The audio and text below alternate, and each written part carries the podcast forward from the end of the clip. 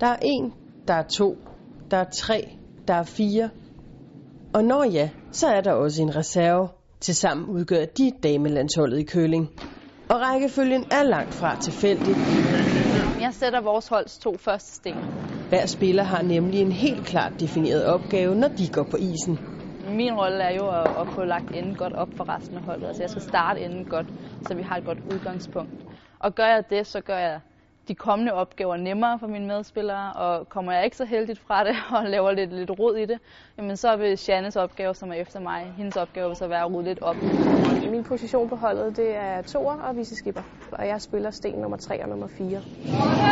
Typisk når man er toer, så skal man øh, være den, der kan finde ud af at spille de hårde sten med præcision. En sten med masser af fart, som kan skyde en masse af modstanderens sten ud.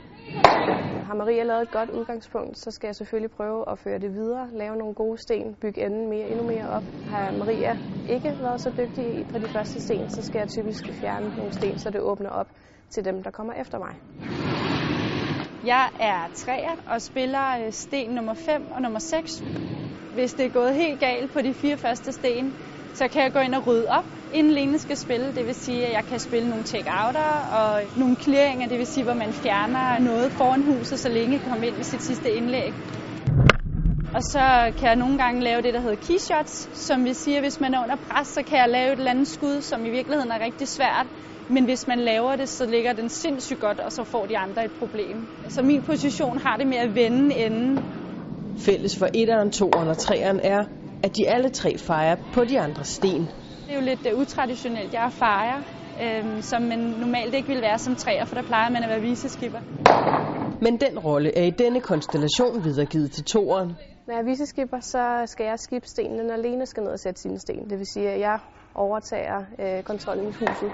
For som rosinen i pølseenden mangler nu kun skiberen at glide ned over banen. Jeg er skipper, øh, også kaldet kaptajn øh, på holdet. Det vil sige, også den, der sætter sidste stenen afsted. Og øh, min øh, primære rolle er at styre taktikken og sørge for, at vi, øh, vi spiller det mest optimale spil. Og det er her, den igangværende ende kan blive afgjort.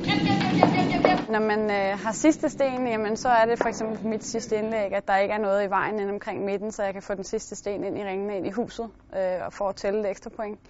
Hvis vi ikke har sidste sten, så skal vi gøre det, som man kalder at stjæle. Helst i hvert fald, når man tager point fra modstanderen. Jamen, så vil det være øh, rigtig, rigtig godt, hvis jeg sådan set bare skal lægge en garde foran et eller andet af vores i huset, så hun ikke har et skud på sidste sten. Alt sammen i et forsøg på at vinde enden og skaffe nogle point til holdet. Og bliver en af de fire spillere pludselig ukampdygtig, er der også råd for det. Hvis der er en, der bliver syg eller skadet, så er det mig, der skal ind og spille, og så laver vi holdopstillingen efter den. Men i princippet, så går jeg jo ind og spiller den plads, der mangler. Sådan. Det er fint. Tak.